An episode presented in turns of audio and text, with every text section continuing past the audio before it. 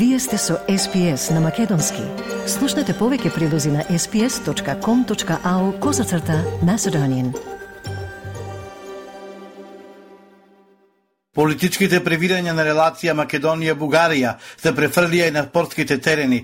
Побројната македонска навивачка публика ја испирка бугарската химна на фудбалскиот надпревар. За неполни 24 часа по надпреварот, македонското МНР експресно го обсуди како што наведуваат говорот на омраза на македонските навивачи.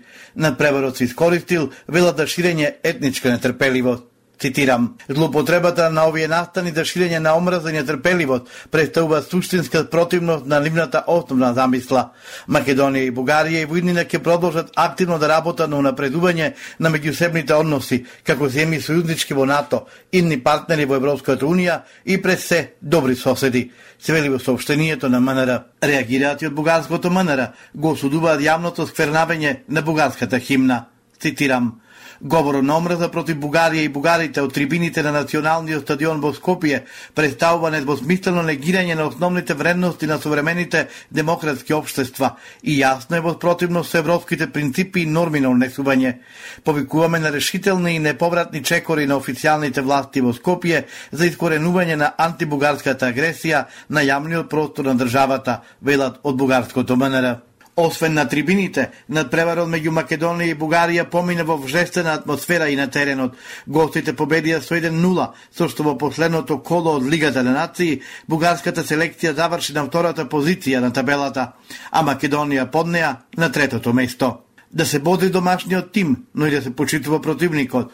Ова е коментарот на премиерот Димитар Ковачевски за скандирањата на фудбалскиот надпребар помеѓу македонската и бугарската репрезентација, кој предизвика многу реакции кај соседите.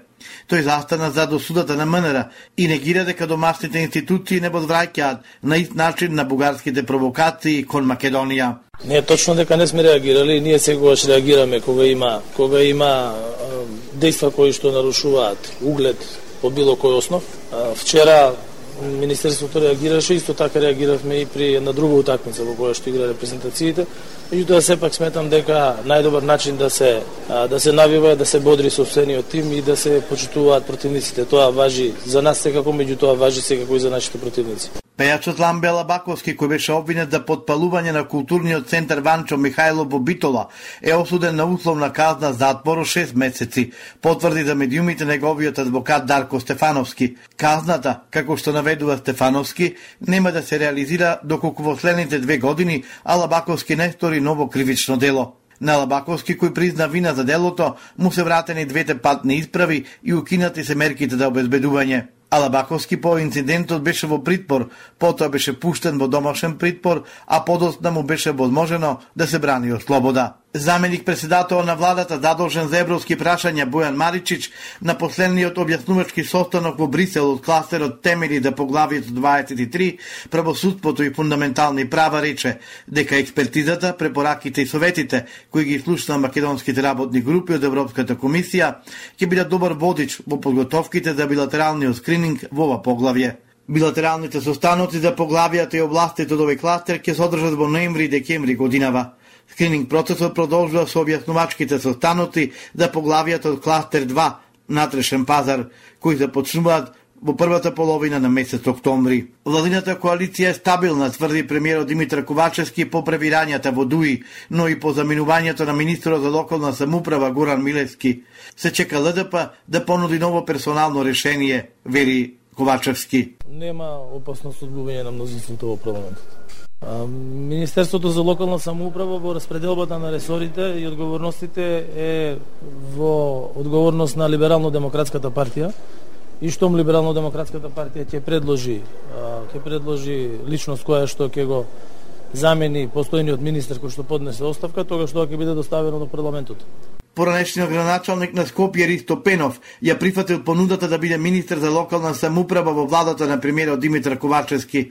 Лично Пенов за 360 степени потврди дека по консултациите во изминатите денови решил да и се врати активно на политиката и да го води ресорот што и припаѓа на неговата матична либерално-демократска партија. Ако Пенов и официјално биде предложен за министер и собранието го потврди неговиот избор, тој ќе го настели се уште актуелниот лидер на ЛДП Горан Милевски, кој даде оставка. А пратеникот Драган Ковачки побара судот веднаш да постапи согласно член 40 од Законот за вонпарнична постапка, кој вели дека постапката за одземање на деловна способност е итна и да отпочне постапка за одземање на деловната способност на како што го нарече дезертерот Димитар Ковачевски, кој е актуелен премиер на Македонија. Самиот факт што постојат сомнежи дека премиерот Дезертер Ковачевски може да има нарушена деловна способност, а кој се темели на уверението за трајна неспособност, кој сам си го поднел до Арама, треба да биде мотив за отпочнување на постапката. Јавноста мора да знае дали за премиер има трајно неспособна личност или човек кој лажел за да избегне воен рок и за тоа приложил потврда, односно лекарско уверение. Кој и да е од двете, дезертерот Ковачевски мора да си поднесе оставка. Доколку судот не реагира, иако за тоа постои обврска, се отвора сомнеш дека го прикрива дезертерот Ковачевски. Министерот за надворешни работи Бујар Османи во собранието ги представи приоритетите на преседавањето на Македонија со Организацијата за безбедност и соработка во Европа ОПСЕ во 2023 Цитирам, мали држави редко добиваат шанса да се покажат на голема сцена во период кога регионот на Обсе се соочува со едно од најголемите безбедносни закани. Ова е проект од државно значење и представува признание на нашите реформски напори дома и на нашата проактивна надворешна политика како веродостоен и одговорен чинител во регионот и пошироко. Тоа беше потврдено на Министерскиот совет во Тирана во 2020 кога консензуално со поддршка на сите земји учеснички ни беше доверен мандатот да бидеме начело на организацијата во 2023 рече Османи на работниот состанок со делегацијата на собранието во парламентарното собрание на ОПСЕ шефот на делегацијата на собранието во парламентарното собрание на ОПСЕ, пратеникот Игор Јанушев од ВМРО ДПМН, рече дека председавањето со ОПСЕ е несомнено многу сериозен ангажман, чие успешно спроведување представува заеднички интерес околу 700.000 македонци или околу една четвртина од населението живее надвор од државата. Миграцијата од Македонија во последната деценија се зголемила за пет пати во Европската Унија и околу четвртина од работоспособното население заминува земјата, што влијае врз продуктивноста на самата земја. Истакна Анита Рихтер, раководител на одделот за Југоисточна Европа на Организацијата за економска соработка и развој ОЕЦД, на презентацијата на извештај на ОЕЦД, трудова миграција во Западен Балкан. Рихтер посочи дека големата диаспора може да донесе значителни ресурси за својата земја на потекло. Посочи дека потенцијалот на диаспората на Македонија е доста голем и од околу 3% од ознаките одат во земјата, но тоа е под просекот во Западен Балкан, каде е околу 10%. Вице-премиерот задолжен за економски прашања, координација на економските ресори и инвестиции Фатмир Битичи смета дека младите не треба да се задржуваат, туку треба да им се создадат можности што ќе им возможат да го достигнат својот целосен потенцијал во собствената земја, но во исто време ќе ги направи доволно конкурентни за светот. Председател на Комисијата за надворешни работи Антонио Милошовски итно да закаже седница на комисијата и на земе ред да ги стави законите за ратификација на договорите кои произлегуваат од регионалната иницијатива Отпорен Балкан, изјави пратеникот на СДСМ Миле Талески. Станува збор за договори со чија ратификација граѓаните на Северна Македонија, Србија и Албанија ќе добијат можност да работат во која било од трите држави без да вадат работни дозволи, без какви било бариери, без аплицирани чекање, без административни трошоци. Овие договори ќе овозможат нови работни места, пополнување на недостигот од кадри во приватниот сектор во секоја од трите држави. Ова е од огромна помош за фирмите кои имаат своји представништва во трите држави, за полесно да отворат нови работни места и полесно да ангажираат работни кадри и за нив да обезбедуваат добри плати и добри услови за работа. Станува збор за регионална конкурентност на пазарот на трудот, која со сигурност ќе придонесе кон покачување на платите, а истовремено ќе овозможи младите од трите држави полесно да можат да започнат заеднички бизниси. Ангела Агелар на церемонијата во Стеј департментот положи заклетва како нова амбасадорка на САД во Македонија, објави на Фейсбук Американската амбасада во Скопје.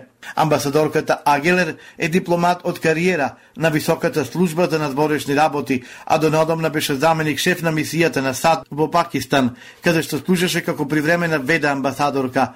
Предходно работеше и како советник до односи со јавноста во амбасадата на САД во Париз, а извршуваше работни задачи во Скопје, Нью Делхи, Ханој и Вашингтон. Се наведува во објавата на Американската амбасада. Во нетината биографија исто така е запишано дека зборува македонски, француски и делумно хинду јазик. Ангела Агелер доаѓа на местото на Кейт Мари Брнс, која извршуваше функцијата амбасадорка на САД во Скопје од 2019 година.